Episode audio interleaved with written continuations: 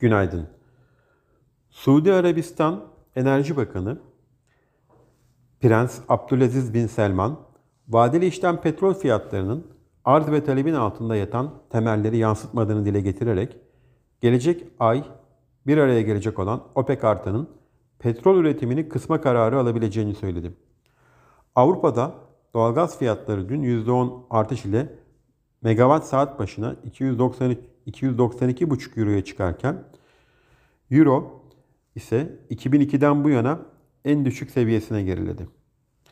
Kültür ve Turizm Bakanlığı'nın son açıkladığı verilere göre Temmuz ayında Türkiye'ye gelen yabancı ziyaretçi sayısı 6.7 milyon ile yıllık bazda %53 oranında artarken ve Covid-19 öncesi güç, e, güçlü baz Temmuz 2019 seviyesini %1 oranında aşmış oldu.